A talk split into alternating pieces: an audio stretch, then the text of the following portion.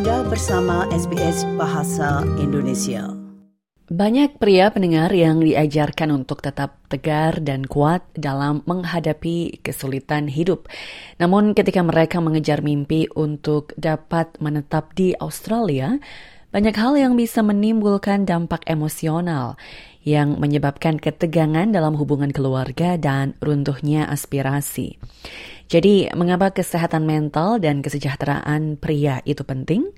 Berikut ini rangkuman khusus Australia Explained yang disusun oleh Amy Chin Yuang.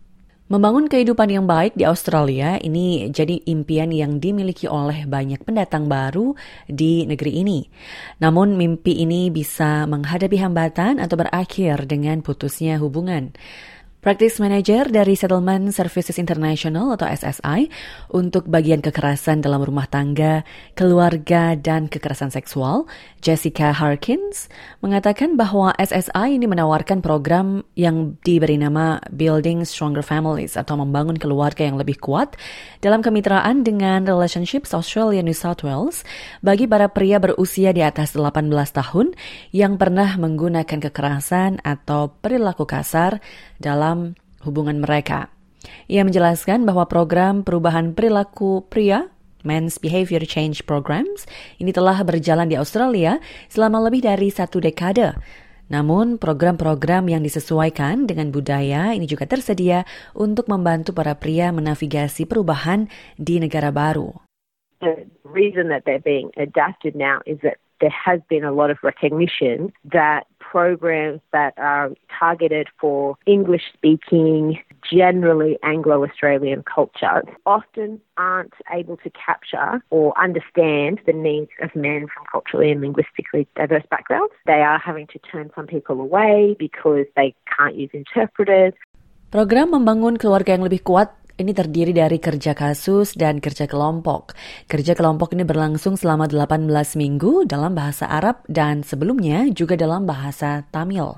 We pick these communities because we have worked with these communities. We have contacts in these communities. We know that there is no evidence that any community there are higher rates of violence than any other community. We know that women from migrant and refugee backgrounds often have more barriers, system barriers, language barriers, cultural barriers, immigration barriers. Gazan Naujaim, pria kelahiran Lebanon dan mantan fasilitator program Membangun Keluarga yang Lebih Kuat, mengatakan bahwa di beberapa budaya, para pria ini sering dianggap sebagai kepala keluarga.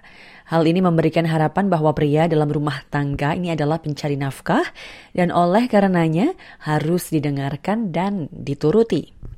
He should be listened to, he should be followed. But the other part of it as well is uh, emotions coming from anxiety, from settlement. I am the breadwinner. About 80% of the participants, they were working in their country of origin and they were skilled in some uh, professions and they came here and they were jobless, many, many reasons. And this was adding another layer of complexity to the situation. Mr. Naujaim mengatakan pria sering kali merasa terjebak oleh nilai-nilai budaya, keyakinan, tradisi, ekspektasi, dan juga persepsi yang kompleks tentang konsep kejantanan. Namun memiliki perasaan bahwa mimpinya ini belum tercapai tidak harus berakhir dengan kekerasan. If I cry, I am not a man. If I ask for help or if I am weak, I am not a man. So the perception of how they portray men a man is a human being, is full of emotions. If we do not monitor these emotions in a positive way, we are going to be in a different path. Dr. Sumbo Ndi adalah life coach dan pemimpin tim konseling di Relationships Australia di Australia Selatan. Ia mengatakan mengenali dan mengatasi beberapa hambatan dalam menjalani kehidupan yang baik adalah langkah pertama untuk membuat perubahan positif yang mana mungkin sulit dan menantang pada saat yang bersamaan. If the roles have been linked to people's identities, there's suddenly some sort of loss of identity in a new place. Also, understanding that the fact that the role is changing does not make you less valuable or less contributing. An acceptance of the fact that living in a different context actually necessitates that change. Relationships Australia di Australia Selatan pendengar menjalankan The Good Life Project untuk mendidik para pria, wanita dan juga generasi muda Afrika di Adelaide tentang kekerasan keluarga dan rumah tangga. Dr. Endi mendorong anggota masyarakat untuk belajar tentang sudut pandang dan pengalaman masing-masing ketika mereka menyesuaikan diri dengan kehidupan Australia untuk membangun kehidupan yang lebih baik dan keluarga yang kuat. Dan terkadang perubahan peran gender ini bisa berarti berhubungan dengan satu sama lain secara berbeda.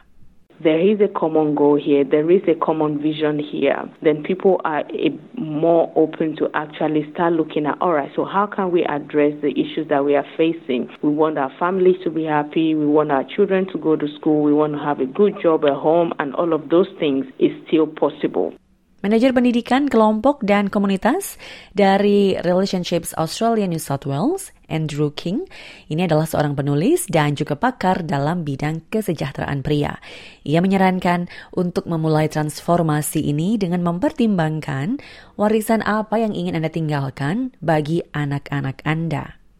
How do you want your children to, when they turn 18, what would you like them to say about you? Thanks, Dad. I really appreciated that you. And what would be the end of their sentence? Menurut Mr. King, pria sering kali mempelajari ekspresi emosi yang tidak pantas ini berdasarkan bagaimana kejantanan digambarkan selama masa kecil mereka. Men have learned really to hide those feelings. Sadly, as you grow older and in relationships, it is important to share your feelings. It's actually not a sign of weakness, it's actually a sign of courage. It actually builds closer connection to other people. It's one of the really important things which men need to learn is to be able to let go of those old messages they received in childhood and to be able to share their feelings with people who matter.